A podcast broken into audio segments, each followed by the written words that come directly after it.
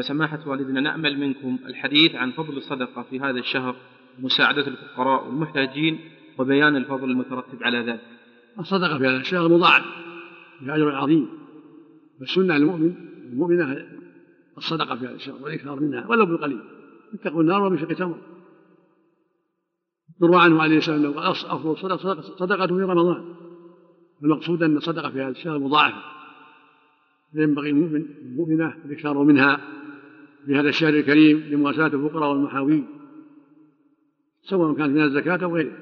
الزكاة واجبة وإن عجلها إذا كانت إنما تحل بعد بعد رمضان وعجلها في رمضان فلا بأس. صدقة التطوع يكون ينفق من ماله غير الزكاة يرجو ما عند الله.